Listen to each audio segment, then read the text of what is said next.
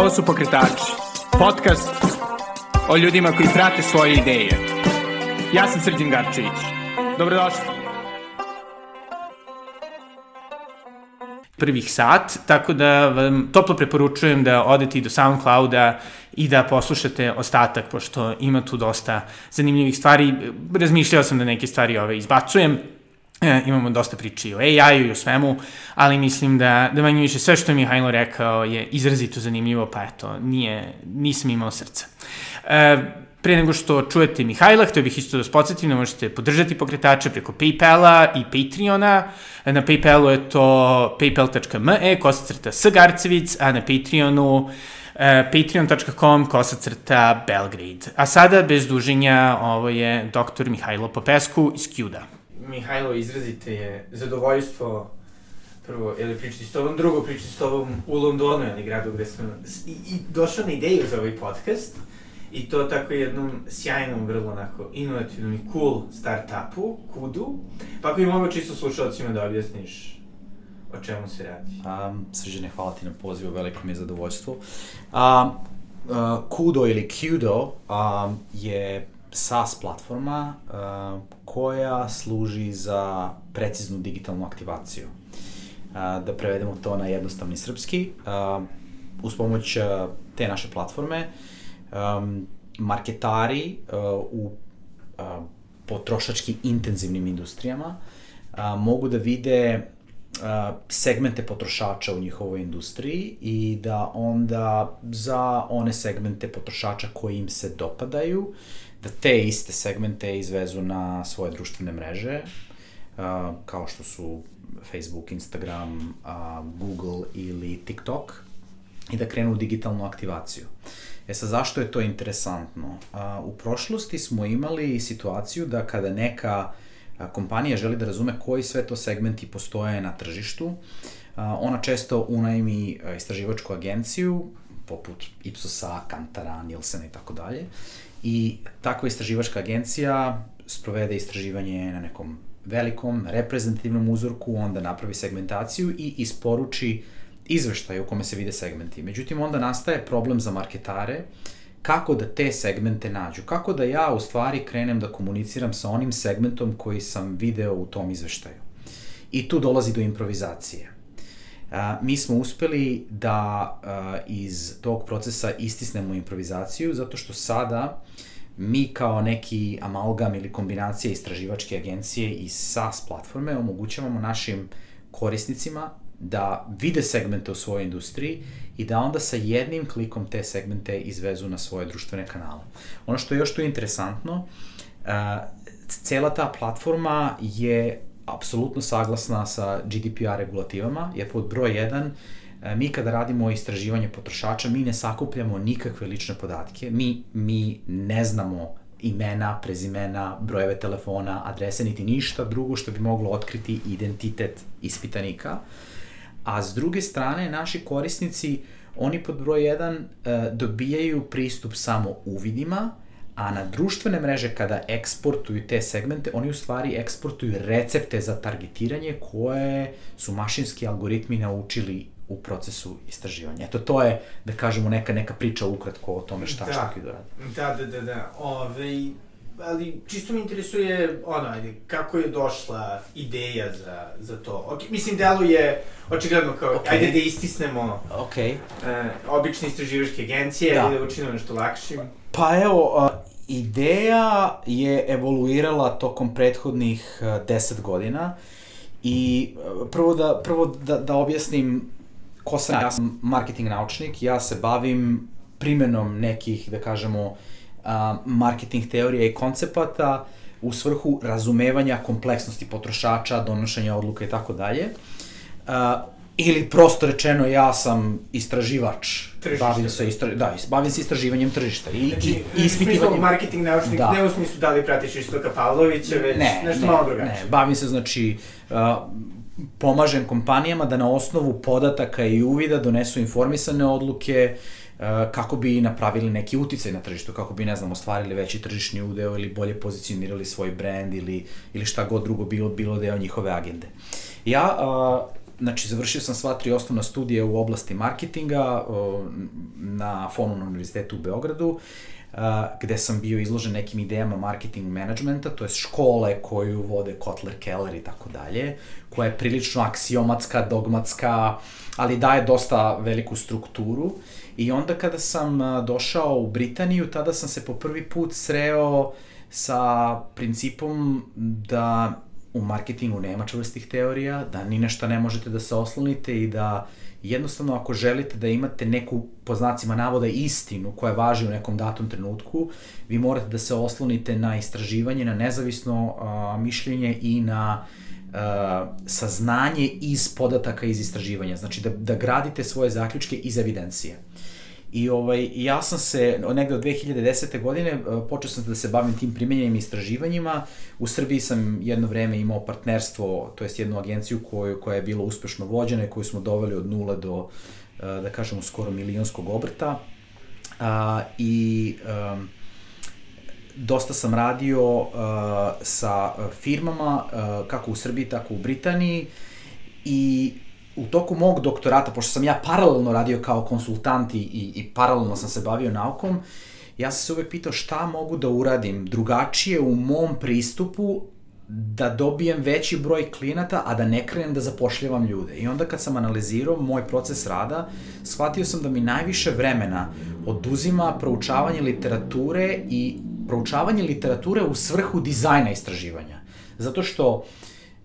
Na primer, čisto je... Na primer, a, kada želite da saznate kako ljudi formiraju uh, percepciju neke zemlje. Ako pričamo, na primjer, o, rece, o, o reputaciji neke zemlje, to je bio jedan od mojih omiljenih projekata koji sam zarad, radio za jednu bogatu, blisko istočnu zemlju, ne možete da samo sednete i da krenete da pišete pitanja nego ja moram da razumem koje su tu teorije koje su već proučavale ovu problematiku šta se u teoriji zna, šta se u teoriji ne zna. Da vidim ja koje promenljive ja već mogu da podignem. U smislu teorije istraživanja ili ne, teorije Ne, nego teorija, te, teorija koja, da, teorija percepcije, znači teorija uh, faktora koji boje naš utisak o nekoj zemlji. Teorija o, uh, da kažemo, reputaciji imidžu zemlje. Uh, I onda vidite, na primjer, koji su drajveri toga i osim toga što se zna šta utiče na to, vi možete da napravite sad hipoteze šta vi mislite da utiče, a da, da literatura ne pokriva. Na primer? A, na primer, a, evo, literatura konkretno pokriva, na primer, a, da kažemo, neke ekonomske aspekte zemlje, a, razvijeno zemlje, onda a, kulturu te zemlje, onda, a, da kažemo, liderstvo i tako dalje. A videli smo, na primer, ja konkretno u poslednjem, u poslednjem to nekom istraživanju, da, na primer, neke dimenzije poput bilateralnih odnosa, znaš, ono, kako se ta zemlja obhodi prema moje zemlji. Nije to samo opšta politika, nego to je već malo konkretna dimenzija gde, gde vi ulazite, na primer, da li je ova zemlja cool, da li mi se njen, e, njena, njena estetska pojava u medijima dopada i tako dalje. To isto može da bude jedna dimenzija. I sada vi biste mogli da kažete, ok, ja sad svih tih nekih 9 ili 10 dimenzija mogu da pretočim u jedan indeks. Ali onda postoji, na primer, postoji uh, ovaj Kahnemanov sistem 1 i 2, to je ono thinking fast and slow, gde u stvari kaže da mi na bilo koji stimulans možemo da reagujemo afektivno i kognitivno, znači možemo da reagujemo impulsivno ili da promišljeno reagujemo. I onda sam, na primer, ja razdvojio reputaciju zemlje kao na, na, na te dve sumane dimenzije, šta kaže moje srce i šta kaže moj um. I onda u sledećem, u sledećem nizu sam gledao kako te, afe, kako te afektivne i, i da kažemo uh, racionalne reakcije na, na, na neku zemlju utiču na neke namere u ponašanju. Da li ja želim da posetim tu zemlju, da li želim, na primjer, da investiram, da li bih kupio brend neke iste zemlje i tako dalje i tako dalje. I sad ono što nam je bitno, bitno nam je da ti modeli koji se postavljaju prvo konceptualno na papiru, da oni na kraju kada podaci stignu da se validiraju, znači da se pokaže da taj model po znacima navoda pije vodu, da su mnogi od tih hipoteza koje smo postavile tač, postavili tačne i na kraju krajeva da se, da se ti fenomeni od našeg interesa objašnjavaju u dovoljnoj meri. Kad kažem u dovoljnoj meri, uh, ja bih voleo da znači, ti moji modeli objašnjavaju preko, na primer, 60-70% varijanse u tom nekom fenomenu koji želim da predvidim ili da objasnim. I znači ja na papiru postavljam, postavljam taj model i taj model ili framework, on vodi dizajn tog mog upitnika. Ja moram da znam šta tačno pitam i onda posle kad sakupim podatke, taj model mora da ima neke, neka statistička svojstva koja meni pokazuje pod broj 1 da sam ja dobro dizajnirao taj model, a s druge strane, kao što sam rekao, model mora ne mora, mislim, on bi u suštini, poželjno je da objašnjava, da ima dobru prediktivnu uh, sposobnost. sposobnost, da.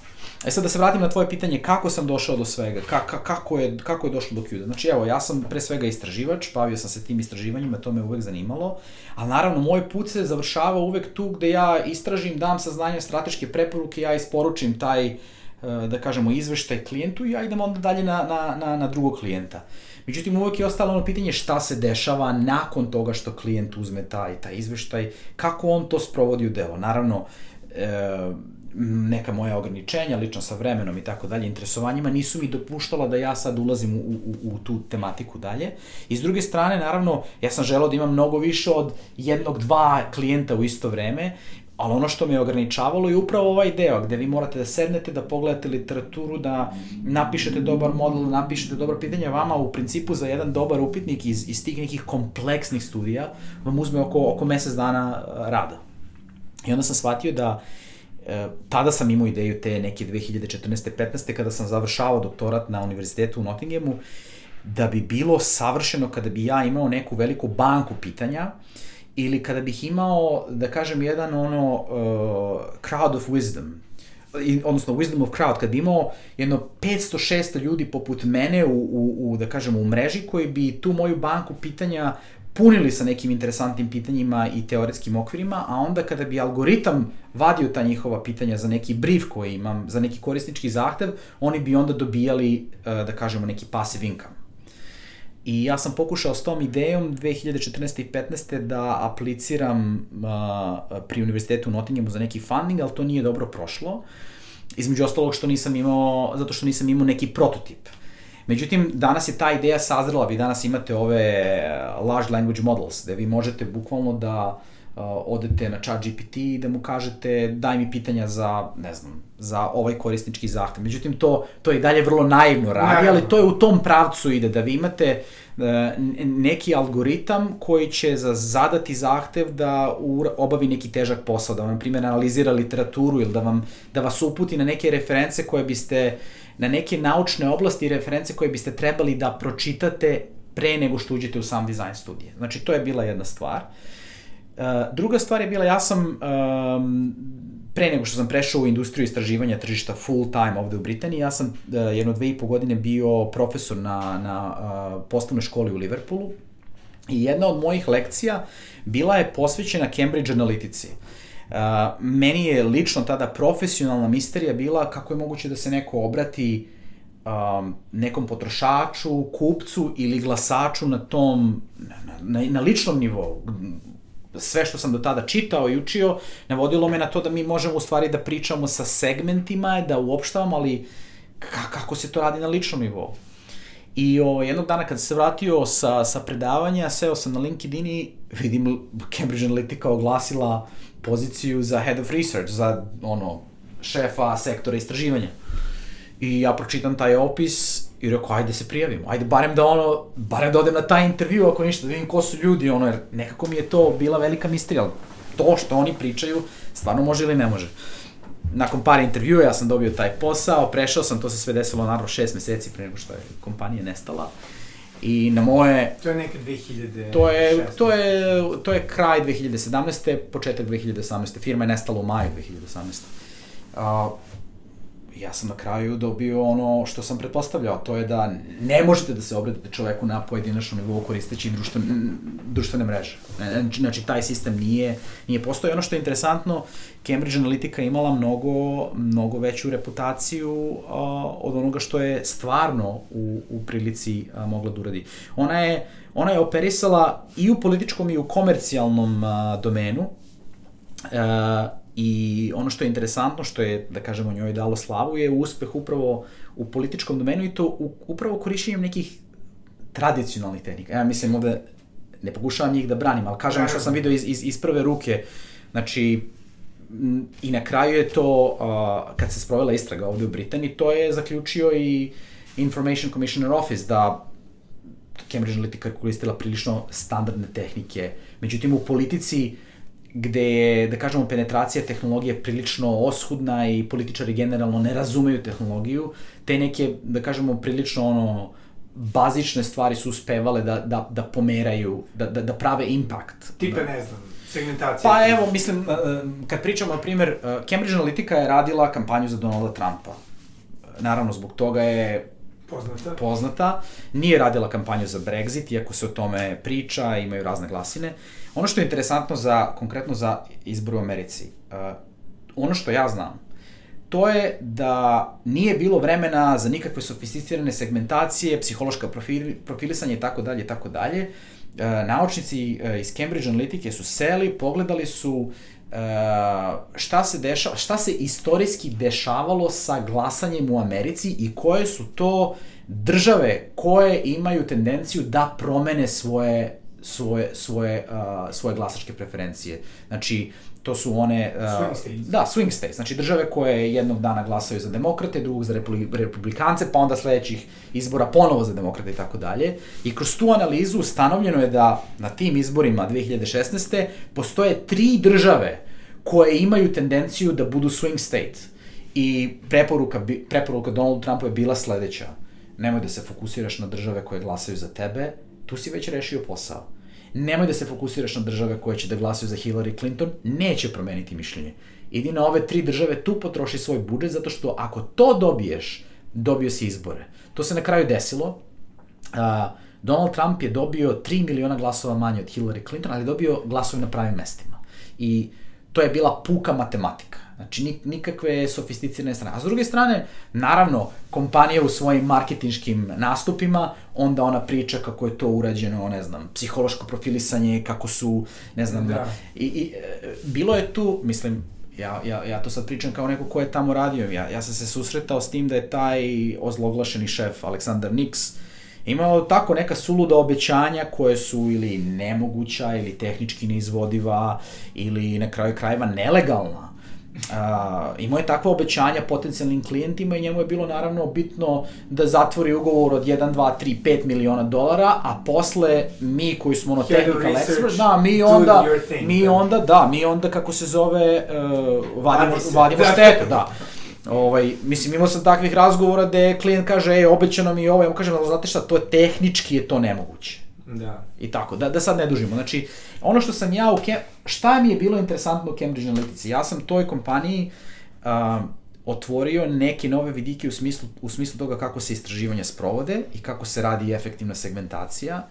Tako da sam tu, da kažem, jako brzo prikupio slavu i ugled. Um, a s druge strane, najveće da kažemo, najveće saznanje za mene u Cambridge Analytici nije bila nikakva, nikakva sad magija, ne znam, nauke o podacima i tako dalje, već jedna filozofija u kojoj se razmišlja kako iz istraživanja da pređemo u aktivaciju.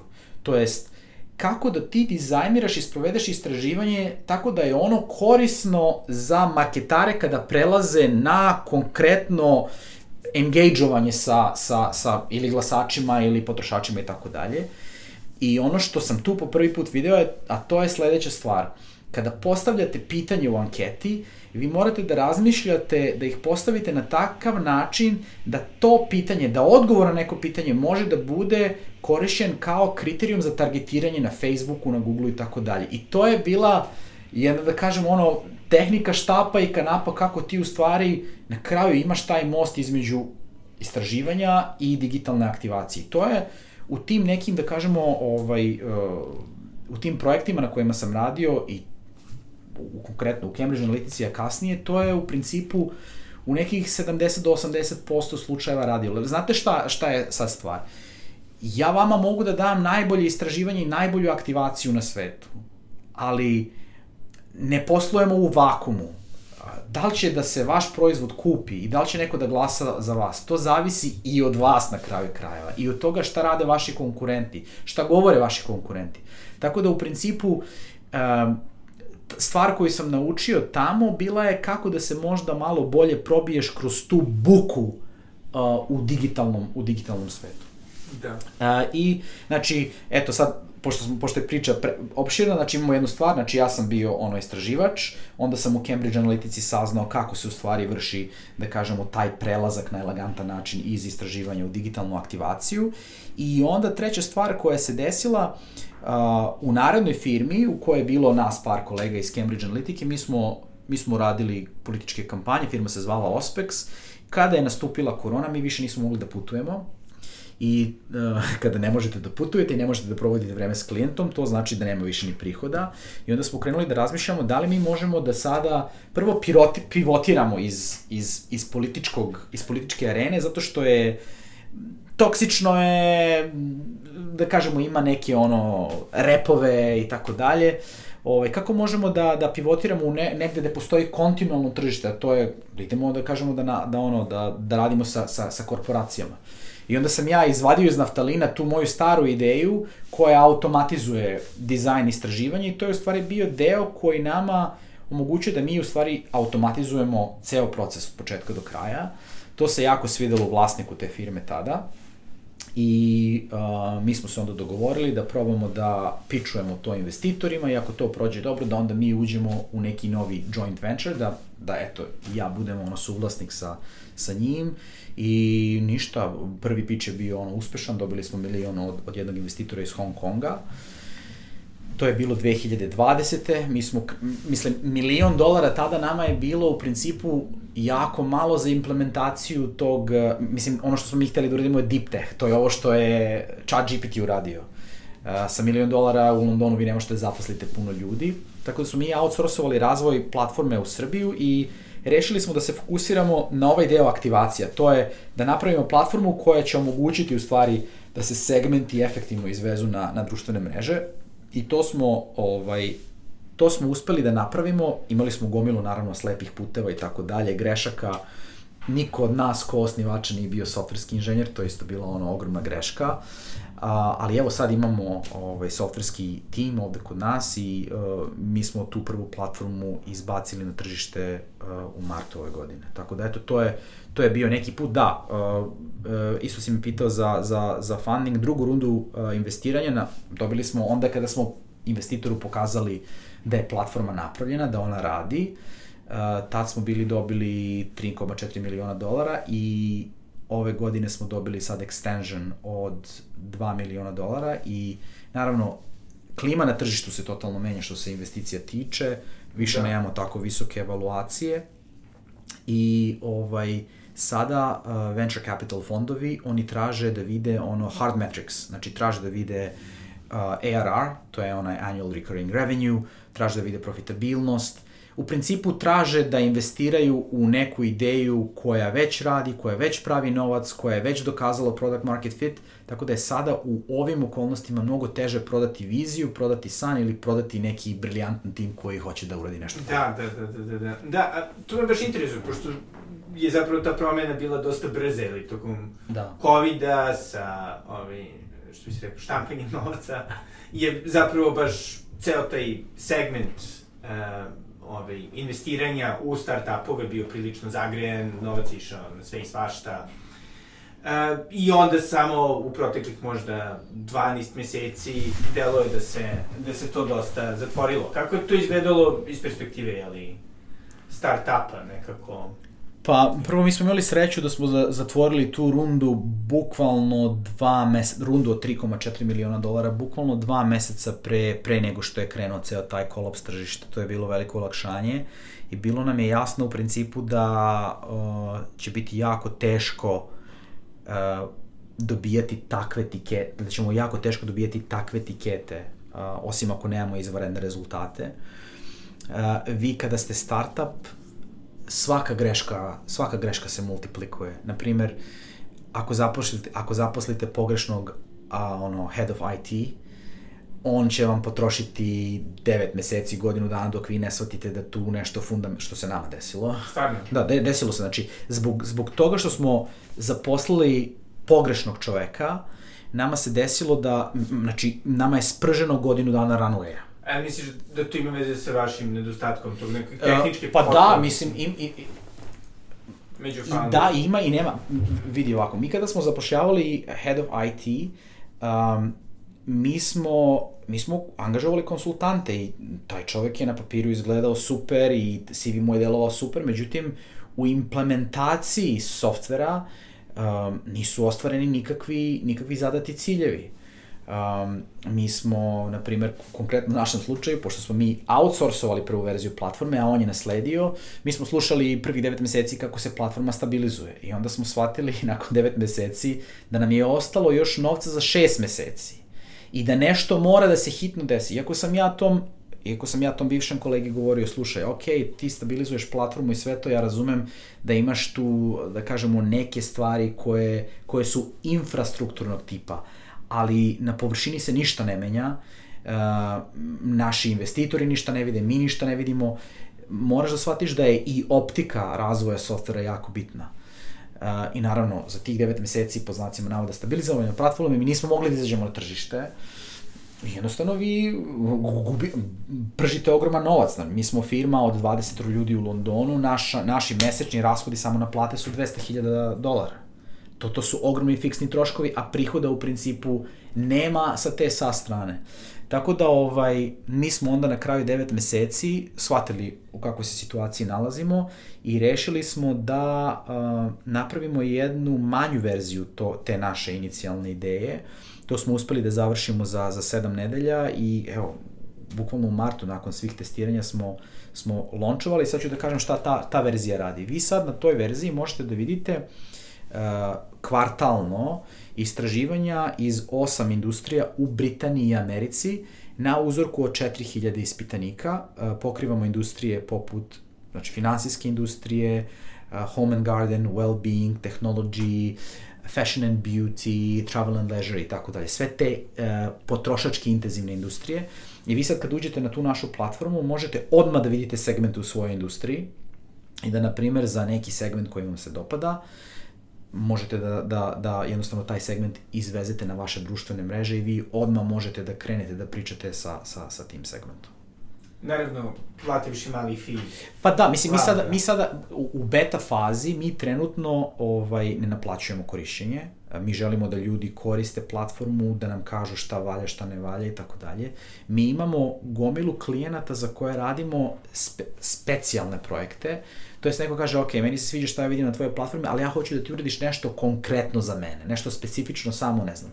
Mi imamo klijente uh, u Severnoj Africi, imamo klijente u Severnoj Americi i tako dalje i oni žele nešto što što, što bi bilo ekskluzivno za njih I, i tada su ti naši, da kažemo, projekti u principu uh, veći, skuplji i tako dalje i to je nama sad glavni izvor prihoda, ovaj, evo na primer konkretno e, imamo klijente iz uh, bankarstva, imamo klijente iz uh, uh, ovaj, um, petrol industry. Uh, da, naftnih imamo, prerađevina. Da, prerađevina, imamo ove loyalty schemes i tako dalje. To su projekti gde mi možemo da ispregovaramo projekat vrednosti od, ne znam, od, od 100, 200, 300 hiljada dolara i to je ono što trenutno donosi novac da. firmi od čega želimo. Ali koji isto koristite tek. Da, naravno. Mi, tu, tu već mi, tu smo, kad, kad pričamo o tim specijalnim projektima, tu se mi već ponašamo kao neki hibrid agencije i SAS-a.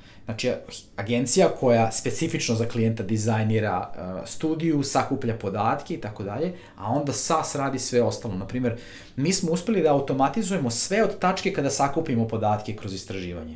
Kada sakupimo podatke, onda kroz taj naš pipeline uh, ide čišćenje podataka, ponderisanje podataka, segmentacija. Čak sada imamo algoritme koji bukvalno napišu izveštaj o personi potrošača u nekom, nekom segmentu. Ranije je za to meni trebalo dva dana gde uradim cross tabulaciju segmenta odnosno na sve podatke koje imam u uzorku i onda ja gledam šta je to što se izdvojilo kao ovaj statistički ili praktično važno za taj segment i onda pišem narativa sada konkretno uz integraciju sa chat GPT-em kroz API, mi bukvalno gurem, gurnemo one podatke koji su se izdvojili kao statistički značajni i onda chat GPT bukvalno napiše narativ o tom segmentu i to je otprilike negde na nivou 85-90% kao što bi neki ekspert uradio. Tako da eto, taj deo je automatizovan i to je ono što je meni vrlo, vrlo sad ovako uzbudljivo. Znači, ne postoji ovaj ekspert koji se smare pišući te... Tako, taj, taj ekspert sam bio ja. Taj ekspert sam bio ja, da. Da, da.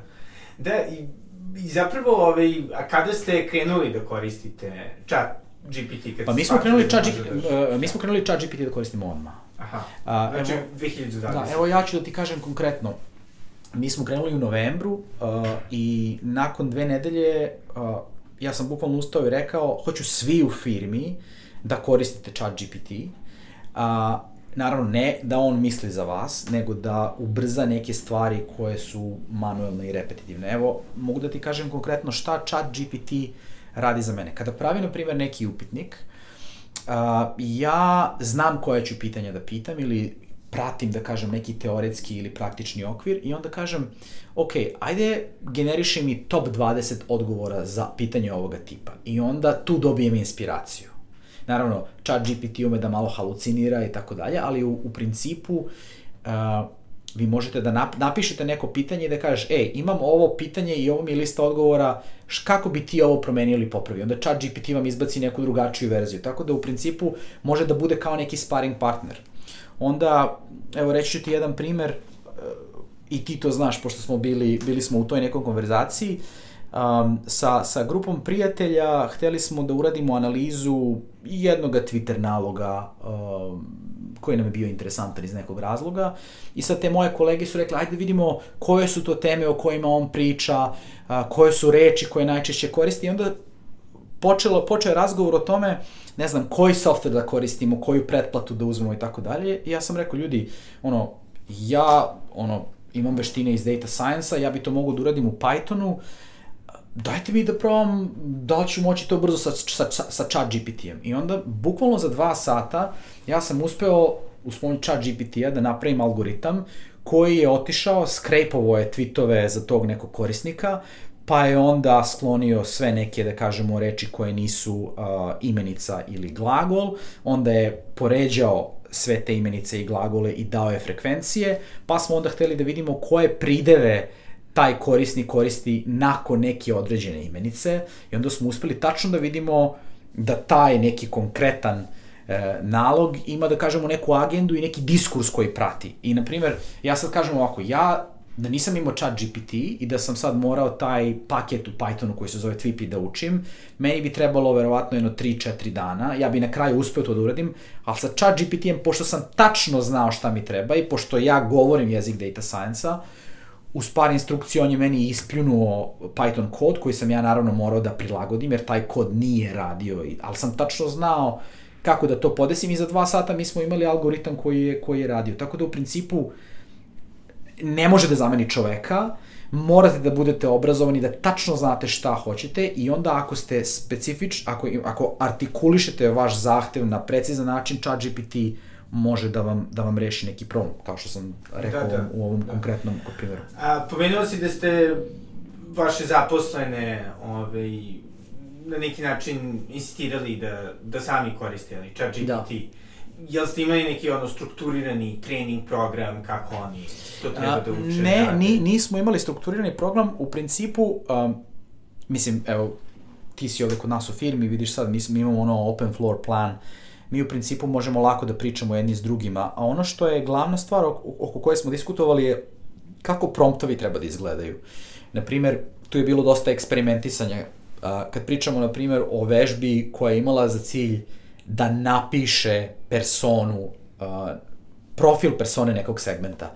Tu smo, na primer, eksperimentisali bukvalno nedelju dana dok nismo našli set tih nekih promptova koji nama u stvari radi ono što nama treba. Uh, a, ja isto sa mojim kolegama, ono, bukvalno kroz eksperiment, znači probaš nešto što je, što je logično i tako dalje.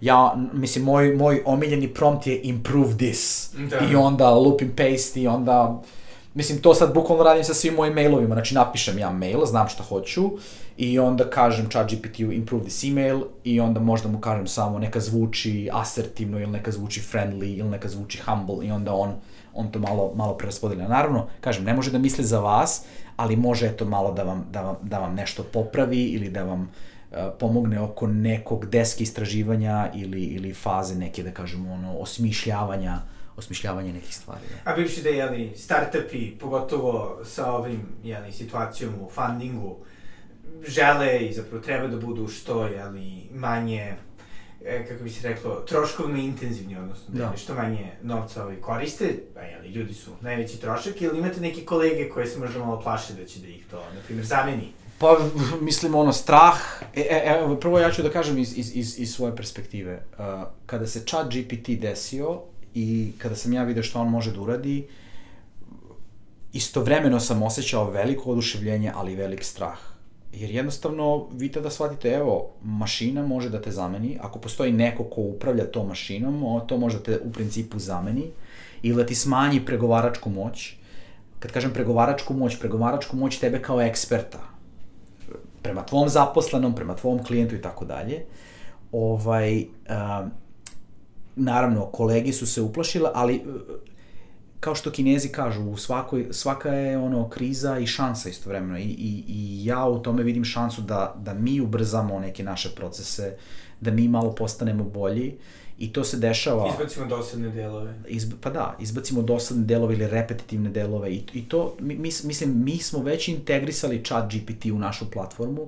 Sad, neke nove stvari na kojima radimo, na primer, vi kada vidite neki infografik koji opisuje neki segment, na primer, zamislite sada imamo segment uh, samohranih majki koje žive u Beogradu, koje su, na primjer, visoko obrazovane, imaju garsonjeru u centru Beograda, voze neki, da kažemo, električni auto, i sad to je neki, da kažem, neka niša, neki mali segment.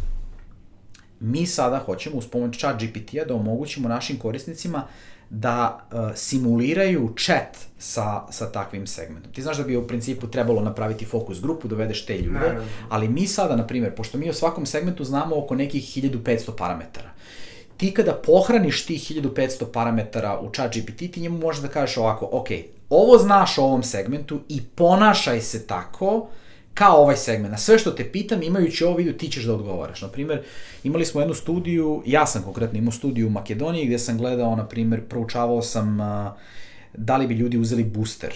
I sad tu mi se desilo nekih sedam segmenta u mom istraživanju. Ja sam onda eksperimentisao gde sam ja te, te opise segmenta koje sam ja inače ručno pravio, pošto tada chat GPT nije bio ovaj, aktualan, ja sam to pohranio u chat GPT i rekao, dane ponaš... 2021. Da, ova, ne, ova, ova studija je bila 2022. sam je radio sredinom godine. Ovaj, popuno sam pohranio sve u chat GPT i rekao, sad se ponašaj kao, ne znam, ovaj um, denier. Um, I postavljajući pitanja, postavljajući pitanja segmentu, chat GPT je jako dobro odgovarao. Naravno, može da halucinira, ali u principu, moja neka hipoteza je da on prilično dobro može da simulira taj neki, tu neku personu. Sad, naravno, bolje je imati, bolje je imati fokus grupu, ali ako nemate vreme i ako nemate novac, možda je ovo rešenje. Naravno, to je moja je hipoteza da je to dobro rešenje u, ili korisno rešenje, ne mora da bude dobro, neka bude korisno rešenje, a ostaje da, da praksa pokaže da li, da li, kakvi će to da, efekte da daje. A čisto je to, ovaj, pošto mi deluje kao um, potencijalni izvor ovaj, lepoga humora, ovaj, jel si primetio da određene segmente chat GPT bolje simulira ili određene tipove ljudi? Mislim, ok, pretpostavljam ljudi koji više postuju na internetu, A, koji su, mislim, gde može više da Ovako, skejpuje, da. moj, moj utisak da se chat GPT ponaša kao mediokritet. Ok. Zašto? Zato što je chat GPT treniran na uh, korpusu teksta koji je nađen na slobodnom internetu. A korpus, te, korpus teksta nađen na slobodnom internetu je najčešće pisan od strane prosječnih ljudi. Definicije, da. I mene redko kad oduševi nešto u kvalitetu, ali, kako da kažem, u principu većina ljudi su prosek, Naravno. tako da kada pričaš sa, neki, sa, nekom, sa nekim segmentom, ti želiš da pričaš sa prosekom tog segmenta i on može da... Moj A i utisak- određeni da, segmenti su da, prosečni da, da. i algoritmizani, ili E, ne? samo da ne mistifikujem jednu stvar ovde. Chat GPT, on nema mogućnost da misli, on se bavi verovatnoćom. I šta on radi? On, on ima taj, da kažemo, algoritam koji predviđa sledeću reč koja će se najverovatnije pojaviti. Mm. -hmm. Na primer, sedim na i onda najverovatnije stolici. Da, da. Manje verovatno je krevetu, još manje verovatno je podu, zidu i tako dalje. Ko posljednji izađe neka ugasi. Da, svetlo. ovaj, tako da, o, naravno, ja, ja, ja kažem samo jednu stvar, nisam ja sad, mislim, ja verujem da smo mi dotakli uh, tačku singulariteta. Mislim da je sada u principu jako teško napraviti razliku između teksta koji je napisao chat GPT i koji je napisao čovek. Uh, I verujem da ćemo u budućnosti pamtiti prethodnu godinu kao godinu koja je bila prethodnica u tehnologiji. Ja verujem da je, da je uh, da kažemo, ta masovna adopcija tih velikih jezičkih modela ravna nastanku interneta. Definitivno će promeniti način na koji radimo, promenio je način na koji mi radimo, promenio je način na koji ja radim, na bolje ili na gore vidjet ćemo.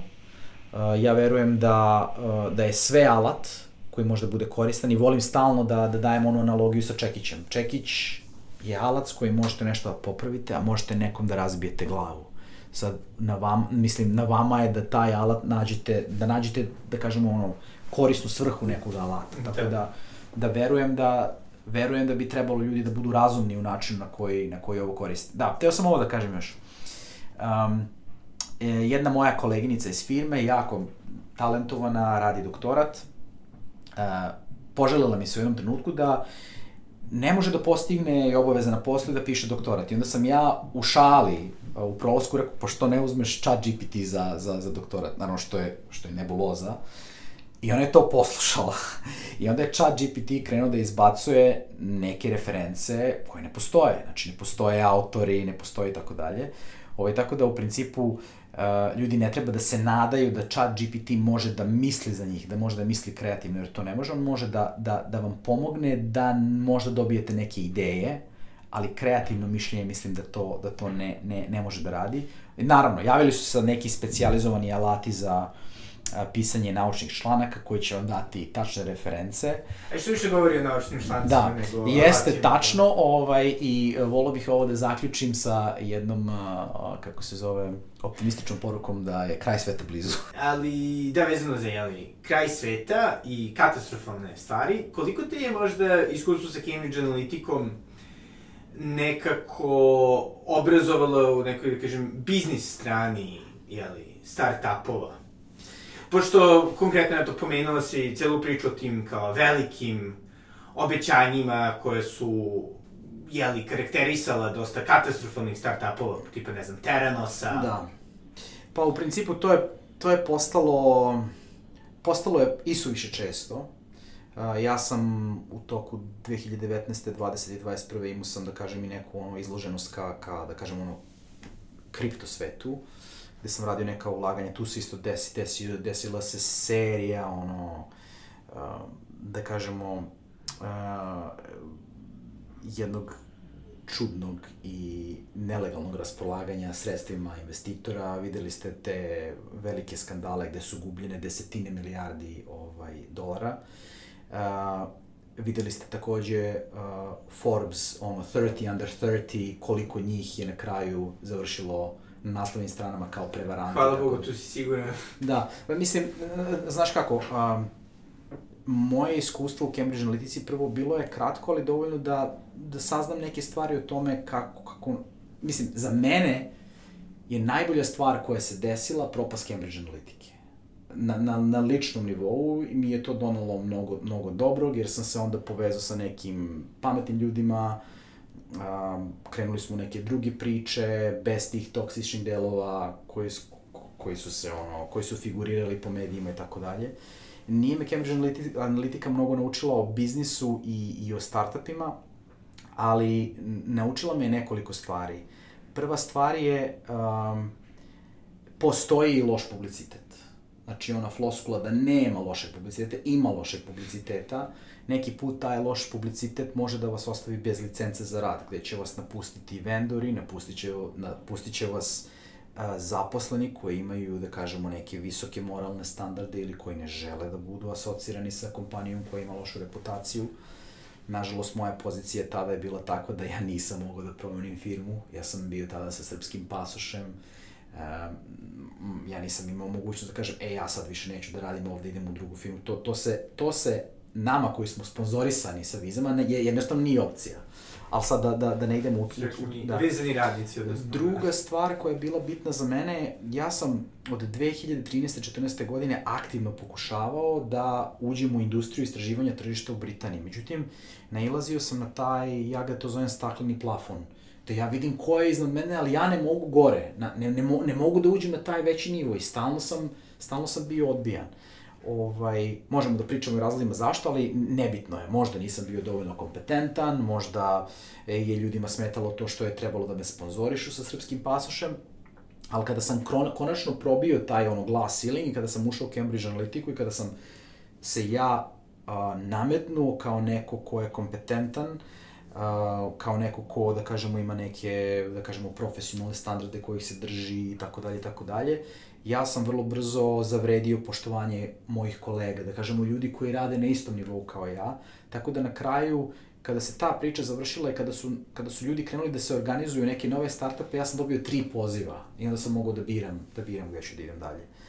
Um, ali kasnije moje iskustvo kroz ovu novu firmu Ospex mi je donalo neke nove, nove lekcije, a to je na primjer, evo daću, mi smo bili, da kažemo, igrali smo u toj političkoj areni. Meni je to tad bilo interesantno, zato što u političkoj areni vi kad uradite istraživanje i sprovedete kampanju, vi će, dolazi dan izbora kada ćete videti da li je vaš rad, na, na kraju krajeva, da li je konkretno vaša predikcija izbornog ishoda bila tačna. I to je meni, to je meni kao istraživaču, bilo mi je jako važno da ja dobijem neku potvrdu da su moje istraživanja dobra, da ja to dobro predviđam, da ja dobro segmentiram, da je ono što ja saznam kroz ta istraživanja korisno i ja sam dobio tu validaciju i onda kad sam dobio tu validaciju, meni je politička arena postala mi je dosadna. Znači ja sam rekao, ok, tick the box, ja znam da stvari koje, koje ja, ono, koje, ta istraživanja moja, da su one ok i to je to.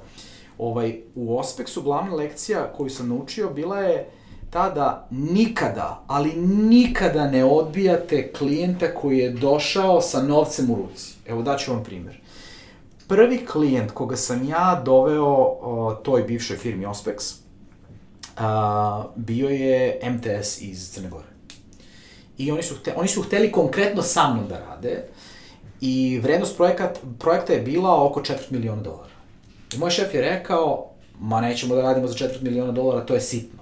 Ja kažem čovječe kako sitno, ono, mislim, imamo, ok, ajde imamo trenutno jednog klijenta koji godišnje plaća milion, ali četvrt miliona nije malo i ja ovaj projekat mogu od početka do kraja sam da uradim. Kaže, ne, ne, ne, kao, drop it. I ja naravno ne budem, ne budem glup, ovaj, pošto naravno nisam ja sad mogu da dam, opet je bio problem viza, ja sam zavistan od te firme, nisam sad ja mogu da dam otkaz i da uzmem to klijenta i ja da odem da to odradim. I hteo sam da budem ono dobar momak i ovaj, uzmem lepo taj taj projekat i odnesem, dam ga, dam ga konkurentima. I kažem, evo, imam taj projekat, daćete mi commission fee, ako to sve prođe, ne znam, moj commission fee, kažem, 10%. I to sve prođe, ja dobijem commission, ja se vratim šefu i kažem, šefe, onaj projekat od četvrt miliona koji si mi rekao da, da ono, pustim, ja sam odneo konkurentu, dobio sam 10% kat, dve lekcije. Pod broj 1, nema, nema projekata koji se napuštaju i pod broj 2, ne može incentiv ovde u tvojoj firmi da mi daješ 1, 2 ili 3% kad konkurent mi daje 10%. Znači ti moraš da budeš kompetitivan. Ti meni ne, ne smeš da mi ostaviš prostor da ja razmišljam da li će ovo da ode kod konkurenta. Znači to je jedna stvar. I onda na kraju toga bilo je još dva projekta. Bio je jedan projekat uh, u, u, ovaj, u Westminsteru sam na nekoj konferenciji o crnomorskom regionu upoznao momke iz Odese 2018. godine Tu sam se s njima upoznao, dva mlada momka u ranim 30. godinama, jedan u politici, drugi u biznisu, to znaš da je ono super kombinacija. Imali su nameru da uđu u parlament u Odesi.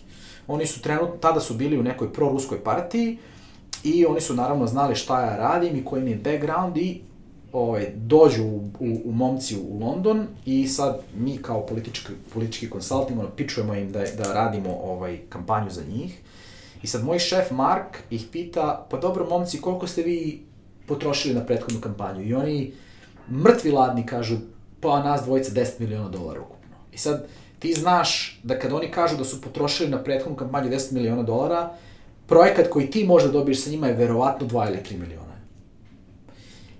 I završava se taj sastanak i sve, oni hoće da rade s nama, rekli su samo pošaljite ponovo, mi potpisujemo sve. I moj šef kaže, a, neću ja da radim, nećemo da radimo sa njima, to je pro-ruska partija. Ja kažem, a ko, koga briga što je proruska partija, mislim, ono, radi se o lokalnim izborima u Odesi, momci hoće da budu faktor u svom gradu, to neće nikad nikakvi mediji da pokupe, kako to, to uopšte nije newsworthy. I na kraju krajeva, momci su ti rekli, ako imaš neku drugu ideju sa nekom drugom partijom koja ono može da okupira neki prostor u javnom diskursu, oni, oni će da osnuju i LGBT partiju ako treba, i partiju, ne znam, zelenih i partiju za zaštitu životinja. Znači, reci samo šta funkcioniše, njima, oni znači, nemaju... Pravi da, politički na, Da, da, oni su, njima je bilo u interesu da uđu, da, da kroz političku moć grade svoje, svoje, da kažemo, poslovne pozicije. Fantastično. I mi smo, i, i mi smo onda odbili taj, taj da kažemo, tu ponudu, zato što Mark je rekao, ne želim asocijaciju sa proruskim partijama. I onda je bio je još jedan uh, potencijalni klijent iz Albanije, iz Demokratske partije, i to je isto bio projekat koji sam ja doneo, otprilike 1,2 miliona i opet je šef rekao ne, to je neisplativo i tako dalje. Onda kad vi imate, imate seriju, imate, taj moj šef je odbio oko 3,2, 3,3 miliona dolara projekata koje sam ja doveo i normalno da je firma na kraju upala u ono ekonomske probleme, ali mi smo već tada, jedna podgrupa nas u firmi je došla na ideju Qdo, to je sve prošlo uz blagoslov vlasnika firme, s kojim smo sada koosnivači i partneri, eto, tako smo, tako smo u Qdo, znači, uvek pričam, nikada klijenta koji uh, je, koji je s novcem i koji je spreman da potroši, nikada, nikada ga ne vraćate, izuzev ako on neće da vam donese neku reputacijonu štetu i tako dalje. Što ja mislim da nije bio slučaj ni u jednom od ovih projekata. I konačno sada u, u Qdo postoje o, ogromne lekcije. Pod broj 1, kada osnivate softversku kompaniju, jedan od ko-osnivača mora da bude softverski inženjer. Inače, vi ste svi ono, tumarate u mraku, što bi se reklo. Druga stvar... Milosti, nemilosti, CTO. Da, da, tako je. Druga stvar, ovaj, um, sve potiče sa vrha. Uh, CEO zadaje tempo. CEO je čovek na koga se svi ugledaju. CEO mora da bude najvrednija osoba.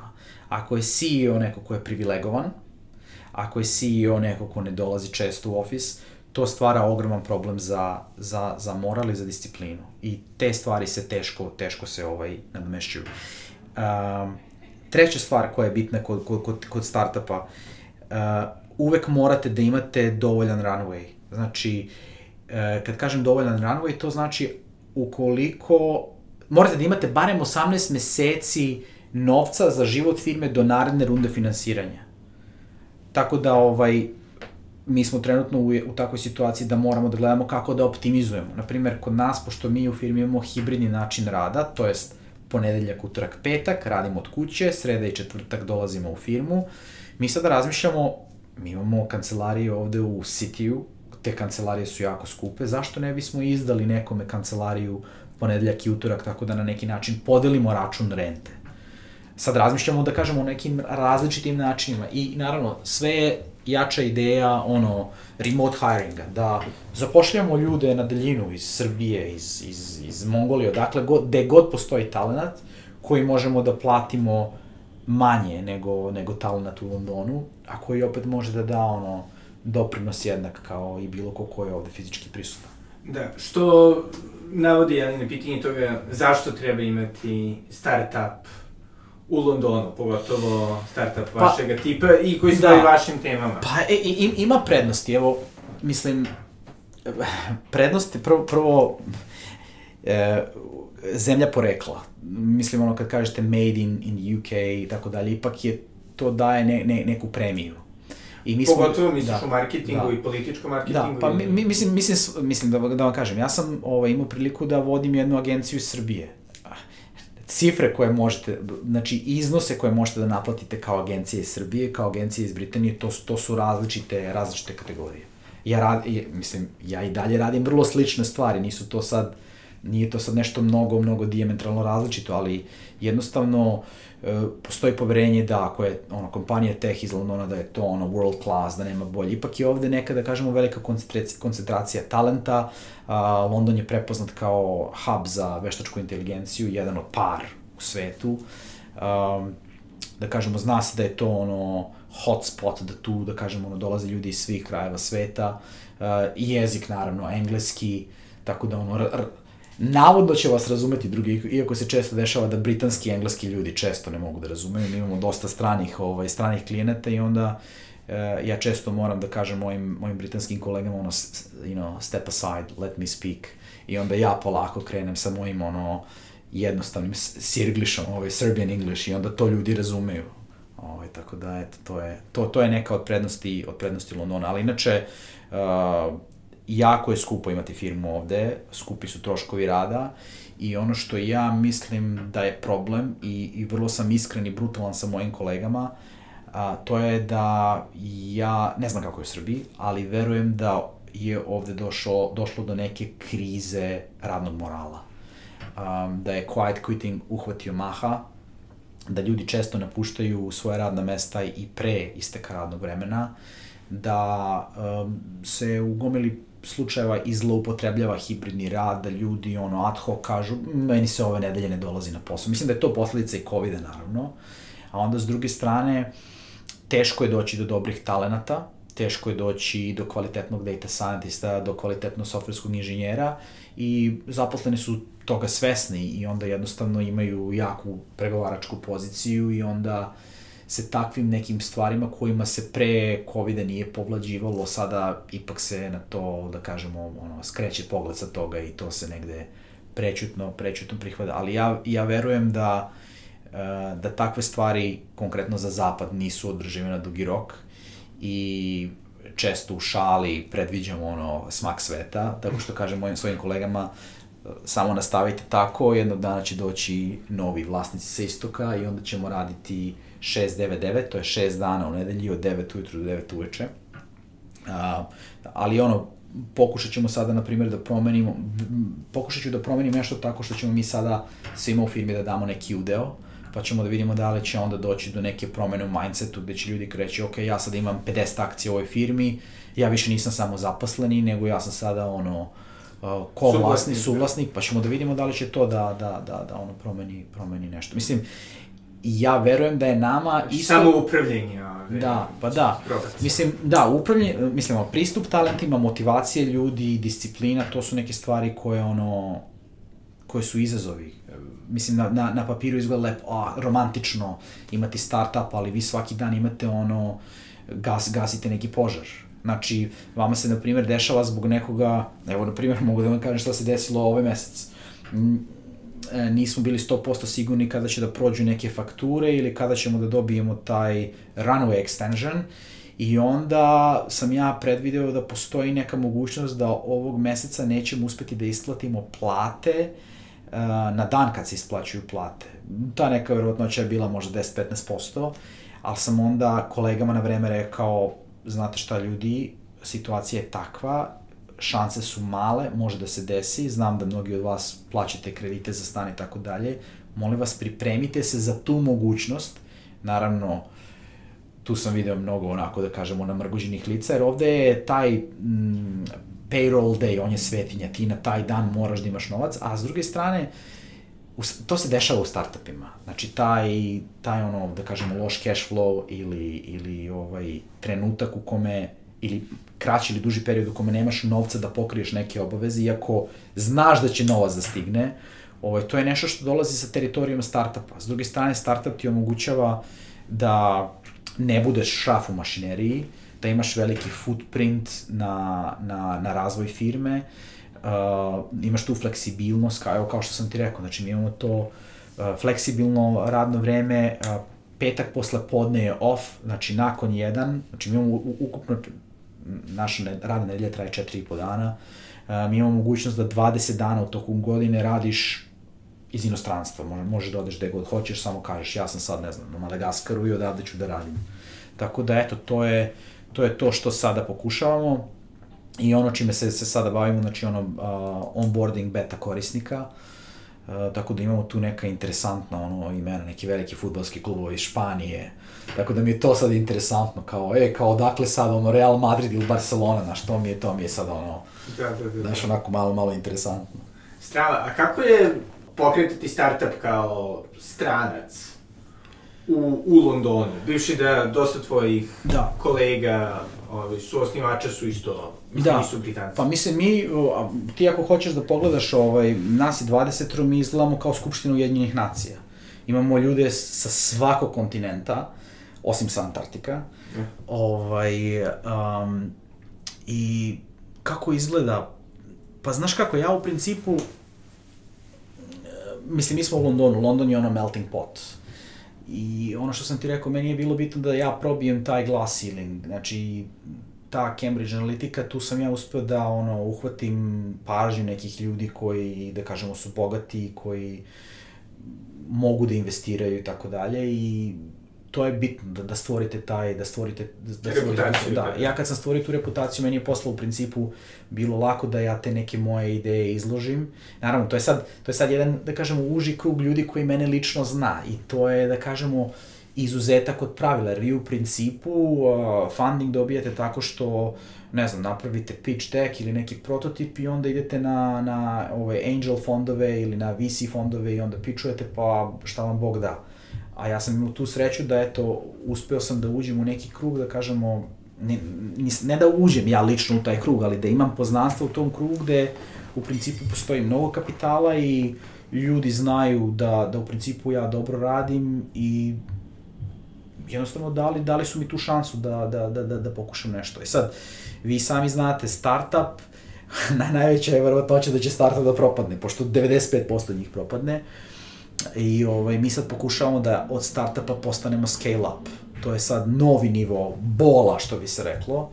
Zato što nama je jedan od glavnih izazova bio kako da mi prekopčamo u glavi agencijski model u SaaS model. Pošto agencijski model to je model koji je ograničen brojem ljudi. A SaaS model, on znači, može da se skalira bez obzira na, mislim, u principu može da, i, i tu postoji neka međuzavisnost između broja ljudi, jer vi ako imate na hiljade korisnika, mora da postoji neka korisnička podrška, neki key account i tako dalje, da sad ne, ne zamaramo tome, ali um, ta tranzicija iz, iz agencijskog u SaaS model, to je SaaS model razmišljenja i poslovanja, to je, to je isto izazov sam za sebe. Ali ja sebe, ne, ne razmišljam o sebi kao o strancu. Ovaj, uh, niti ne dozvoljavam da me to, da me to sputava. Naravno, sputavalo me, uh, sputavalo me dok sam imao samo srpski pasoš, zato što je moj status bio nerešen. Ja sam zavisio od toga da mene neka firma sponzoriše i tu je onda vama su mnogo ruke svezane. Međutim, uh, ja sam od, u poslednje četiri godine uspeo da, da dobijem još dva pasoša. Jedan po, jedan po poreklu, deda je rođen u Rumuniji, pa sam dobio rumunski pasoš i onda me to katapultiralo ka britanskom pasošu, tako da ja sad kao džokere mogu da vadim koji mi, koji mi treba, za šta. Da. Tako da ja više, od kad sam rešio status, ja nemam, nemam, nemam tu ideju da sam, da sam stranac, iako naravno ja sam za, za, za prosečnog Britanca, čim otvorim usta, ja sam, ja sam stranac, ali ono, ja sam ovde... A dobro, ali u Londonu je Ma da, svi- da. 70% ljudi rođeno Pa van da, u Britaniji. da. Ne 70, Da. ali 30. Mislim, mi smo pričali malo pre ove emisije, ja sam u, u Britaniji živeo i u Nottinghamu i u Liverpoolu, ovaj, tako da ne znam, ne, ne, nemam, nemam osjećaj da sam ja sad stranac i da, da je to za mene neki disadvantage, iako čitam u, u novinama, na primjer, da ljudi kada apliciraju za poslove, pa kad promene e, svoje ime u britansko ime, onda ih mnogo češće zovu na intervjue za posao i tako dalje i tako dalje. Mm, Ovaj. Da, da, da. Ali nećeš da budeš ovaj Michael Priestley. Pa ne, nešto. ne, neću ono, ja kažem... Za sada, da. Da, U krenu slučaju već imaš, jel, reputaciju, da, da. Tako kako je. Koji mogu i da upropasti. Naravno, naravno, kao što smo ovaj videli, može da se desi. E, i, i, I eto, možda evo, ovaj, za kraj, čisto me interesuje, ono, u kom trenutku si u, u svojoj akademskoj karijeri nekako odlučio da bi zapravo hteo da se prebaciš u, u, u, ovaj, u, u biznis? Pa gledaj ovako, značenje akademske karijere u Srbiji i u Britaniji ima totalno dva diametralna, da kažemo, mesta. Ovaj, u Britaniji, i u Srbiji i u Britaniji to je prestižno obrazovanje, a, u Srbiji vam daje mnogo bolji status i mnogo bolje, da kažemo, mnogo bolje materijalno obezbeđenje. U Britaniji U relativno Da, u. Britaniji profesorski poslovi su prilično bedno plaćeni, ako mogu da iskoristim taj izraz. I ono što je obeshrabrujuće, to je da vi kad krenete da radite ovde u akademiji, u jednom trenutku shvatite da ste vi u industriji koja studenta gleda kroz školarinu i interes obrazovne institucije je da je taj student pređe u narednu godinu. Šta to znači? To znači da taj student ponovo toj školi generiše novu godišnju školarinu koja ovde kreće 9000 funti pa ide na nekim školama i do 30-40.000 funti godišnje. A, ja kada sam radio na poslovnoj školi u Liverpoolu, desilo mi se da me nakon te prve godine pozvao dekan da me pita zašto sam oborio 8 studenta. 8% studenta. Ja sam rekao zato što nisu zadovoljili kriterijume. I on je rekao, ma to je nedopustivo, mi ne možemo da obaramo studente. I onda je tražio od mene izveštaj da ja pokažem za, zašto se to desilo. Ja sam, naravno, pošto se bavim podacima, ja sam teo da dam ono evidence, pa sam uradio jednu regresijonu formulu gde sam uh, dokazao da 70% ocene definiše prisustvo na časovima i obim čitanja koje studenti rade. I onda je taj dekan je hteo to da pokaže svima, međutim, naravno, ocene su popravljene svima, da prođu. I onda sam ja shvatio, dobro, zašto ja dolazim ovde, zašto ja držim ovo predavanje, zašto ja ocenjujem ako nisam filter? I onda sam cinično jednom, dekan, jedno sam cinično dekanu rekao, zašto vi mene ne biste pustili da ja lepo sedim kući, vi meni šaljite platu i puštajte svakoga da prolazi. Eto, fino vama, fino meni, fino studentima. A, I onda kada sam shvatio da je u stvari to biznis, a da ja, s druge strane, uh, nisam dovoljno nagrađen u smislu da, ja sam, ja sam sebi rekao, ovakav život sa profesorskom platom u Britaniji, ja mogu da imam u Srbiji. U Srbiji mogu da imam pet puta bolji život sa dva puta manje, manje stresa i tako dalje. Ja nisam došao u Britaniju da ono get by, što bi se reklo. Ja sam došao u ovu zemlju da uspem, i to da uspem big time. Pa, ili pukovnik ili pokojnik. Tako da ovaj, u tom trenutku sam ja u principu shvatio da možda akademija i nije baš pravo mesto za mene, jer sam malo dinamičniji i da kažem, došao sam ovde iz tih pobuda da uspem. A akademija je ipak mesto za ljude koji, kojima možda novac nije bitan koliko je bitan meni i koji su možda već obezbeđeni. A kad dolazite sa strane, nemate ni nekretninu, niti nikakav savings, Znači, vi morate da ipak idete u nešto što je komercijalnije. To je, to je bez bilo kakve okolišanja pravi odgovor. Da, baš mislim, skoro bio čak i članak u Economist o tome kako na Oxbridgeu većina profesora dolazi iz hipersituiranih porodica i zapravo... Tako je, da. Zato što vi nemate, vi nemate ono materijalnih briga i onda vam je univerzitetska pozicija u stvari kaše taj društveni kaše gde ste vi jednostavno imate eto ugled, vi ste, vi ste, vi ste profesor na nekoj instituciji, mislim lepo je to, mislim, lepo je kad čovek može da se isključivo fokusira na svoje interesovanje, na filozofiju, na istraživanje, bez razmišljanja o, da kažemo, o onim svakodnevnim stvarima koje se tiču, ne znam, plaćanja računa, plaćanja da, da. kredita za stan i tako dalje, tako da, dalje. Što na neki način ne vraća ceo taj akademski svet u onaj 19. vek, kada su zapravo uglavnom i plemići i bavili naukom, koji su, jeli, tada bili situirani. Da. Ali evo vidiš, na primer, um, Ma da, da li misliš da zapravo je output naučni na nivou onoga što smo imali, ne znam, u 19. veku? Teško mi je da odgovorim na to pitanje, ali pokušat ću, pokušat ću nešto drugo da kažem, e, što je možda približan odgovor tome. Mi već sada imamo, um, da kažemo, neke dokaze da je mnogo više uh, naučnih proboja uh, da se mnogo više naučnih proboja u poslednjih, na primjer, nekoliko godina u oblasti, na primjer, data science-a desilo u industriji. Nije nauka, nije neki naučni institut izbacio uh, chat GPT, nego ga je izbacila komercijalna firma. Ovaj, to je naravno i logično, zato što te komercijalne firme naravno imaju ogroman funding, pa mogu da privuku i ve, veći broj talenata kojima plaćaju, da kažemo, neke, neke jako dobre plate. A, ja sam odavno to primetio konkretno u oblasti marketinga, kada sam shvatio da marketing kaska za, za industrijom i da nauka u marketingu, ona gleda šta se dešava u industriji i onda objašnjava taj fenomen. A ja kažem, ok, ako je marketing primenjena disciplina, Zar je moguće da imamo ljude koji nikada nisu praktikovali tu, tu oblast? Zamislite jednog profesora, na primer, um, kardiovaskularne hirurgije, koji predaje o tome, a nikada nije seo da operiše pacijenta. Nikada nije, na primer, ne znam, ugradio stent ili tako dalje. Mislim, ka kako možeš ti da predaješ o tome? To to je, meni, to je meni bio veliki absurd i, i ja sam često cinično poredio, na primjer, poslovne škole sa e, školama plivanja koje nemaju bazen, nego uče studente da mašu rukama kroz vazduh i obećavaju kao, kao sutra kada vidite vodu, kad uskučite, ima da plivate. Mislim, to u principu nije tako. Ovaj, to nije tako, zato, zato se često studenti teraju da idu na one letnje prakse da bi osetili ono šta stvarno rad u industriji znači, ali mislim da um, mislim da, mislim da smo na, na, na, na početku jednih fundamentalnih promena u tome kako se život u akademiji odvija, kako će ljudi studirati, zato što, što vi, vi sad ovaj chat GPT možete da koristite bukvalno kao, kao nastavnika za nešto.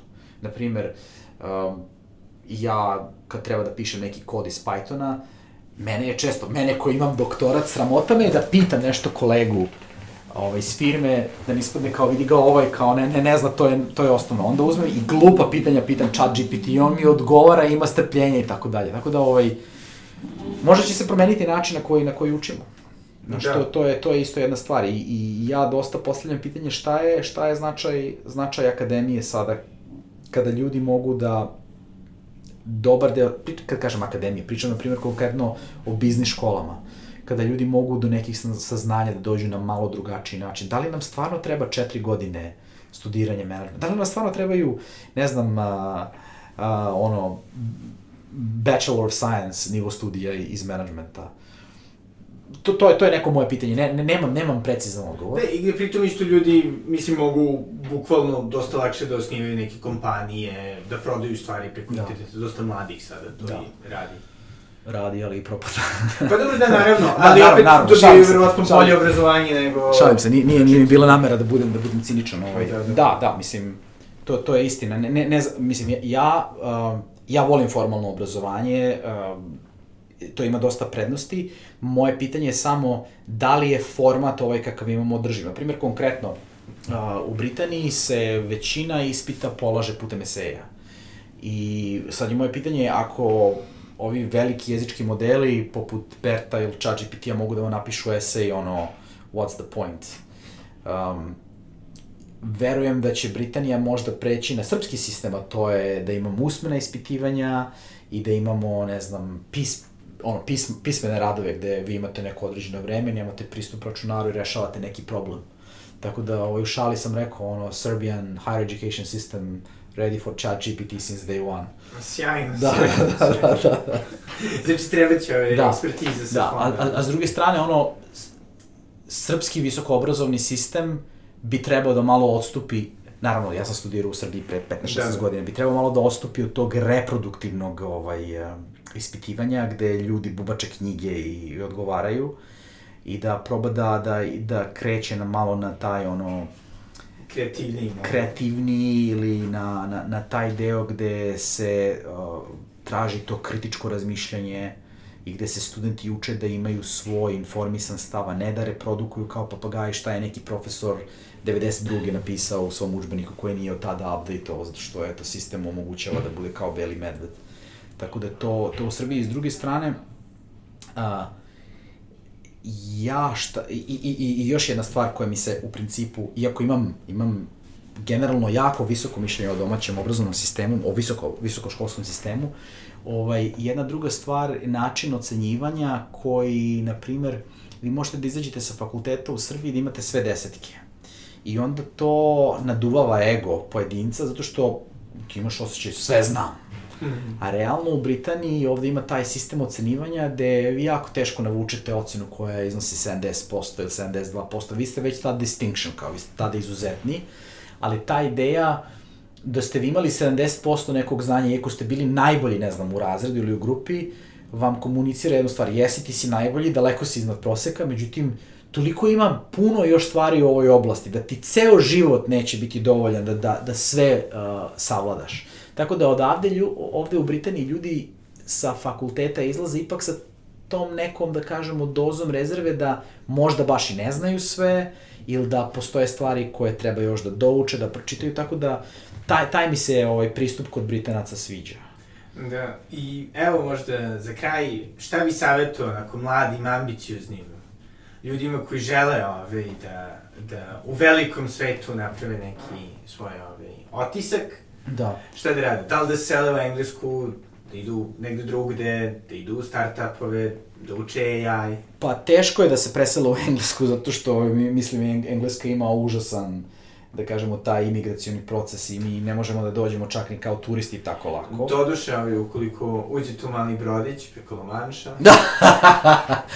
pa dobro, naši građani sa Kosova i Metohije, ovaj, u velikom broju ovaj, se pojavljuju tim, kako se zove, brodićima.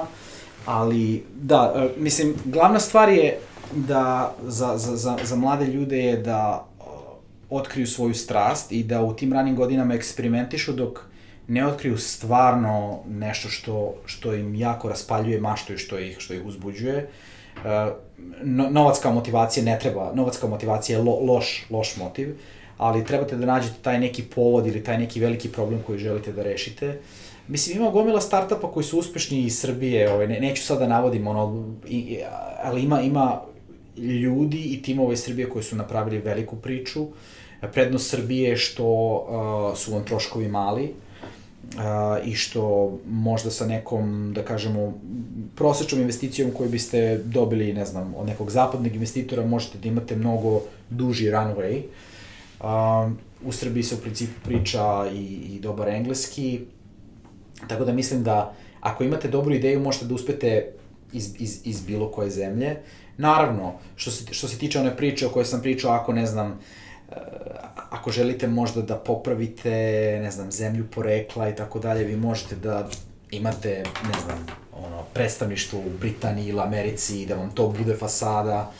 A, možete iz Srbije da isto osnujete firmu i u Srbiji, da, da imate taj shell, što bi se reklo, imate vehicle, ako želite baš da je to malo, imate benefit od toga da je ovaj, kako se zove, vaša firma možda negde na zapadu, pošto se, ne znam, Srbija ne percipira baš sjajno i tako dalje. Ali, mislim, Srbija, ja bih rekao, Srbija, um, Srbija što se tiče tih tehnoloških stvari, ona nema nega, negativnu reputaciju, ona nema reputaciju nikakvu. I to je možda šansa, ali to su već priče koje, da kažemo, zakonodavci u Srbiji uh, treba da se, da se bave time. Ali da se vratim na ovo pitanje, na glavna stvar je prvo da, da, ono, da mladi ljudi eksperimentišu, da se oprobavaju raznim stvarima. Ok je raditi i za drugog, uh, ako ćete da dobijete neko, neko relevantno iskustvo, treba biti ambiciozan, ono, tražite da vas ljudi bace u vatru, da vam, ne znam, povere neke projekte ili da vam povere neke zadatke, da možete se dokazujete. I, I jako je bitno konstantno učiti, znači pratiti neku industriju ili neku oblast koja vas zanima i vi ćete uočiti šta je gap. Znači šanse uvek postoje. Znaš, vam, vama se sad čini ono da je sve već istraženo, da je sve što je po, sve postoji, sve što postoji na svetu da je već napravljeno, što naravno nije tačno, to je ono jedan bajas. Ali da, znači treba jednostavno biti posvećen. Uh, ja isto verujem da je pola uspeha u životu da se samo pojavite negde na vreme. Znači ono da istrajete, da imate taj grit. Mislim, to, to gomila naučnih studija pokazuje. Znači ono, ako si samo istrajan u nečemu da ono, stvorit će ti se šan, šan, šanse da uspeš. Znači pogledaj, uzet ćemo sad e, ovaj ekstrem Novaka Đoković, ono čovek koji od pete godine udara lopticu. Mislim, to se zvuči banalno, ali da. znači ti kad imaš taj grit i tu želju i kad stvarno si otkrio nešto što voliš i kad guraš po ceo dan u tom pravcu i sve si podredio u tome, bit će neki ishod koji je pozitivan na kraju. Znači mora i malo sreće da se desi, ali ali verujem da ono da upornost i ono ljubav, strast prema nečemu to je to je ovaj a kako ćete prepoznati šta je strast? Pitajte samo sebe kada bi mi neko tražio ovo da radim besplatno, da li bi opet došao da ovo uradim? I ako je odgovor da, to je vaša strast. Da. Ma da to je zanimljivo, da dosta ljudi kada kaže da, ovo bih radio besplatno, onda im vrlo teško da to naplate. Pa dobro, sad, to, je, to, to su već neke druge stvari oko toga kako vi pozicionirate sebe. Mislim, naravno, vi ne trebate da kažete klijentu, ja bih ovo radio besplatno. Vi, to, je, to je vaš intimni, ono, uh, interni monolog. Kad kažeš sebi, da li bi, da li bi uživao ome da ti nije plaćeno? Znaš, ono, moj, moj intimni odgovor za istraživanje je da. Me, zato što mene zanima, na primjer, kad radim za nekog klijenta, evo, pričao sam o ovoj Makedoniji i o, to, o tim vakcinacijama, baš me zanimalo da vidim ono, koji različiti tipovi ljudi postoje. Šta bi ih navelo da dobiju booster? Šta traže? Šta su im ono strahovi, nadanje i tako dalje? Mislim, to je super bilo jedno istraživanje. A kada si otkrio da te zapravo interesuje marketing? Pa otkrio sam, otkrio sam na fonu konkretno. Uh, ja sam na fon došao da bi studirao IT, mene su uvek računari zanimali, ja sam uvek bio na toj tehničkoj strani. Međutim, kada sam po prvi put bio izložen tim idejama marketinga, brandinga i tako dalje, to mi je stvarno delovalo onako super egzotično i što bi se rekao, došlo je do loženja, ono, baš mi je ovo gotivno, naš velike firme, brendovi, osvajanje tržišta, širenje tržišnog udela i tako dalje. Naravno, vama marketing literatura pokazuje samo uspešne primere i to je ono opet selection bias, gde vi se ložite, bre, ovo je, ja ću kad budem došao, a ne vidiš u stvari, mislim, to je, to je fora. Biznis i marketing učbenici, oni su bazirani na onom promilu uspešnih kejsova, a niko ne priča o ono groblju kompanije od 98% koje, koje ono nikad nisu ono, razumeš, pogledale svetlost dana ili spržili lovu pre nego što je ovaj proizvod bio napravljen. Denomina marketing stručnjaka. Da, da. I sad, ovaj, naravno, došlo je do tog loženja i, i kad sam krenuo da čitam te udžbenike iz marketinga, bilo mi je to kao, u, čoveče, ova oblast je ogromna, ovde ima svašta interesantno. I onda sam krenuo da se bavim tim case study takmičenjima u kojima sam, evo, moja, skromno, bio sam, u, u, bio sam prvi na fonu koji je osvojio takmičenje za fon na, na, u, u zemlji, onda e, prvo međunarodno takmičenje, onda sam počeo da zagovaram na fonu tu ideju da mi tu trebamo da institucionalizujemo, da je trebamo da imamo školu case studija, posle to profesorka Vesna Damjanović stvarno ono uzela pod svoje, pod svoje krilo i od toga napravila ogromnu priču, vi sada vidite stalno imamo da kažemo neki klince sa fona koji ono odvaljuju Oxford, Cambridge, Harvard i tako dalje po tim svetskim takmičenjima, pa nas onda traže na mapi gde je taj Beograd, gde je taj univerzitet u Beogradu. Ali da se vratim, da, počeo sam da, da idem na taj case study takmičenja i onda kroz ta case study takmičenja sam shvatio, ček, ček, ček, ček, ček, ja ovde sad nešto firmi predlažem da uradi, ali kao, gde je meni ono evidence? Mislim, nama se dešavalo da mi, kada pravimo neku marketing strategiju, a marketing strategija se bazira na segmentaciji, targetiranju i pozicioniranju. Znači, mi ovu segmentaciju uradimo ono, što bi se reklo, u laboratorijskim uh, uslovima, da. gde ja pretpostavim da postoji, ne znam, ovakav segment, onakav segment i tako dalje. Mislim, to se u principu tako ne radi, radi se tako što istražiš. I onda mi je bilo, aha, a kad bi ja ovo istražio, šta bi onda bio moj odgovor na, na ovaj poslovni izazov? I onda tako malo po malo, naravno, opet spominjem tu briljantnu profesorku Vesnu Damjanović, uh, ona nas je bila uvela u neki istraživački projekat i tad sam prvi put video i SPSS i počeo da ono, primenjujem statistiku u marketing i istraživanju i naravno onda to kad sam došao na, na univerzitet u Nottinghamu, to je ono bread and butter, znači to je ono, alfa i omega u, u, u biznisu koji se radi u akademiji ovde u Britaniji, da, da ti moraš da imaš istraživanje, da sve što misliš ili predlažeš ne bude tvoje mišljenje, nego da to bude informisan stav koji je informisan ili na osnovu nekih sekundarnih istraživanja, a ako imaš pare, druže, onda i na osnovu primarnih istraživanja koje ćeš ili sam da uradiš ili ćeš da unajmiš nekog da ti uradi. Tako da, eto, uh, imam tu sreću i zadovoljstvo da sam, da radim u zemlji koja ima najveću konkurenciju i gustinu tih istraživačkih agencija na svetu. Amerika je najveće tržište za istraživanje tržišta, a Britanija je drugo posle Amerike, ali postoji najveća gustina per capita istraživačkih uh, agencija. Tako da eto, to je ono, to je moja strast, tu sam i ovaj, pokušavamo dalje. Sjajno. I za nas ove delimične lajke u marketingu postoji jedna knjiga koju bi nam preporučio da pročitamo, da, da zavolimo marketing.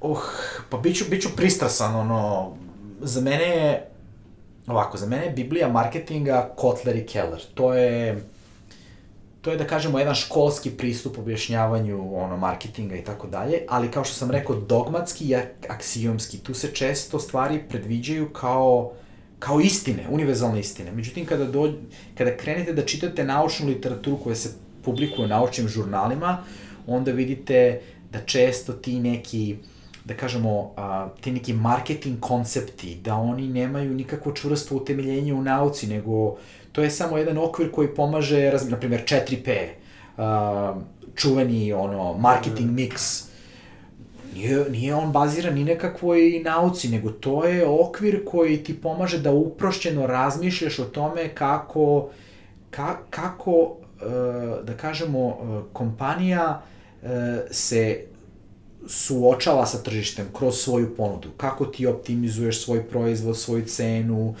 kako uh, optimizuješ svoje kanale distribucije i promociju. Tako da ovaj, dobro je za razumevanje za lajke, ali ono što je knjiga koju ja jako volim i koja je, da kažemo, neki ono temelj moje discipline, to je marketing research od uh, Nareša Malotre. So marketing research, uh, applied approach, Nareš K. Malotra, uh, jedan uh, Amerikanac uh, indijskog porekla, briljantna je knjiga, to je bukvalno Biblija istraživanja i ono kad to savladate, vi ste ono tatamata. Ali kažem opet, naravno, ne može knjiga da sadrži svo znanje, nego je to, da kažemo, dobra odskočna daska da biste krenuli da, da, da, da razumevate sve. I naravno, ovaj, um, sada je data science ovaj, jako interesantan, zato što vam daje ogromnu fleksibilnost da analizirate te podatke, tako da neko ko se bavi istraživanjem potrošača, a, mislim da mora da vlada i tim alatima. Zato što ovi off-the-shelf softveri, oni imaju neku suženu, da kažemo, a, a, sužen nivo funkcionalnosti, ipak sa ovaj, Pythonom i sa tim data science paketima tu možete svašta, ne mora samo Python, može i R. Da, da. Tako da je to, kažem, eto vidim, konvergiraju te, di, barem kod mene u mom slučaju, te različite discipline konvergiraju, pričamo o marketingu, marketing istraživanjima, data science-u, tako da eto dobijete ono jedan interesantan miks, miks veštine i znanja. Ali u svakom slučaju, ovaj, čeka nas katastrofa, sve se završava. A pa da, to je... Mislim, vi, ti, kad, či, ti kad sad kroz istoriju čitaš ono, mislim, svaka generacija je pričala o tome da je kraj sveta blizu. Znaš, ono, kad je nastala, kad je nastala parna mašina, evo, na primjer, u Nottinghamu gde sam živeo, tu je bila velika proizvodnja čipke. A, imaš tamo deo grada koji se zove Lace Market. I Nottingham je bio poznat po, po proizvodnji te čipke, ona se radila ručno i naravno kad je došla u optica i parna mašina koja je krenula da štanca tu čipku ovaj, mašinski, pojavio se jedan gospodin pod imenu Ned Lud, čuli ste za pokret ludisti, i on je krenuo da razbija te mašine, zato što je verovao eto, da to radi protiv čoveka. Tako da, ovaj, i sad opet imamo, znači svaki put kad se pojavi taj tehnološki proboj, a ti tehnološki proboji se sad ubrzano često pojavljuju, pošto kriva e, rasta tehnologije eksponencijalna, uvek se pojavi po neki ludista. Naravno, treba ovaj imati zdrav pristup i razmišljati o i o društvenim implikacijama neke neke tehnologije, ali to je to je imanentno društvenom razvoju. Znači nova tehnologija uh, unosi da kažemo neki poremećaj, kad kažemo nova tehnologija, pričamo o tim značajnim skokovima napred kao što je pojava interneta, pojava računara, sad pojava i ovih velikih jezičkih modela. Znači, kad imamo neki veliki kvantitativni i kvalitativni skok napred, uh, dolazi do, da kažemo, preraspodele društvenih odnosa. I naravno u toj preraspodeli neki ljudi, nažalost, koji ne mogu da se prilagode dovoljno dobro, ostaju kao gubitnici. I onda ti gubitnici, ti pojedinci koji su gubitnici tehnološkog uh, razvoja, oni postaju često ti protivnici tog tehnološkog uh, napretka. Mislim, meni se desilo nedavno, pričajući sa svojim uh, šefom, koji naravno radi u tim političkim kampanjama, ja mu kažem, jesi li probao, pošto ti često pišeš te svoje strategije ručno i političke govore, da li si probao da koristiš chat GPT? I onda naravno on je bio jako veliki protivnik toga, to oduzima dušu i duh onoga što ja hoću da kažem. Ja kažem, pa da, jeste, ja se slažem, ja ti ne pričam o tome da ti treba to sad da zameniš, ali da li si probao da neki pasus teksta kažeš, ej, bi ti ovo mogao nekako drugačije da vidiš, da dobiješ neku inspiraciju. I on je bio jako velik protivnik toga. Tako da imamo, imamo ljude koji bi mogli da imaju benefit, da im se neki deo rada ubrza ili olakša, ovaj, ali su protiv toga. Zato što imaju takav stav da, da, da to njima fundamentalno oduzima ono što je bila njihova, njihova diferentna prednost. To je da oni znaju da napišu tekst. A ti sad imaš mašinu koja može da napiše tekst približno dobar. Znači, pričamo, opet ono vraćamo se na mediokritet. Da, da. Chat GPT će da napravi nešto što je prosek. Ali u mnogim slučajevima prosek je dovoljno dobar da ti završi neku funkciju zato što ti treba. Da, tako da svakako treba videti. I imam još jednu stvar. Ako sada u ovom trenutku svako može da generiše tekst koji je relativno dobar, moje pitanje je koliko će ljudi zaista krenu, kako će to da utiče na čitanje tekstova? Da li ćemo po defaultu pretpostavljati da je neki tekst napisala, napisala mašina pa ćemo ga preskakati? Da li će na važnosti dobiti oralna reč? to Da. ostaje da se, da se, da se... Pa dobro, ima cijela ta teza kako zapravo mi živimo u postliterarnom svetu, čak i pre um, ove cijele fore sa MML-ovima, Da. to jest Large Language Models, LLM. Da. Ove, I da, i kako zapravo s toga, eto, podcasti, ove, TikTokovi, to je jednostavno da, da, Da. ljudima sada dosta bitnije taj neki I to je sad opet pitanje, da, oralni da li, i da li, direktni odnos. A što naravno isto može Ja. verovatno i da se simulira na neki način, Da. ali opet teško. sad je moje pitanje, da li svi ovi podcasti koji imam, pa i ovaj, Sve može, da. utiče na inflaciju tog sadržaja koji onda naravno gubi na vrednosti, jer na- najve, više nije problem napraviti relativno kvalitetan sadržaj, koliko je problem probiti se kroz tu buku, jer sad svi imaju sadržaj i Naravno. svi pričaju o tome da imaju sadržaj i svi postoju. Znači, sad postaje umetnost kako da ja dođem do dela tvoje pažnje i da, da zadržim tu pažnju. To, to postaje i to Pa, ostaje... to dobro, harizma postaje dosta bitnije, pristup briljantnim ljudima Da. Poput tebe, kad pričamo o podcastima, tako da eto. Tako da, konkurencijo, plačite.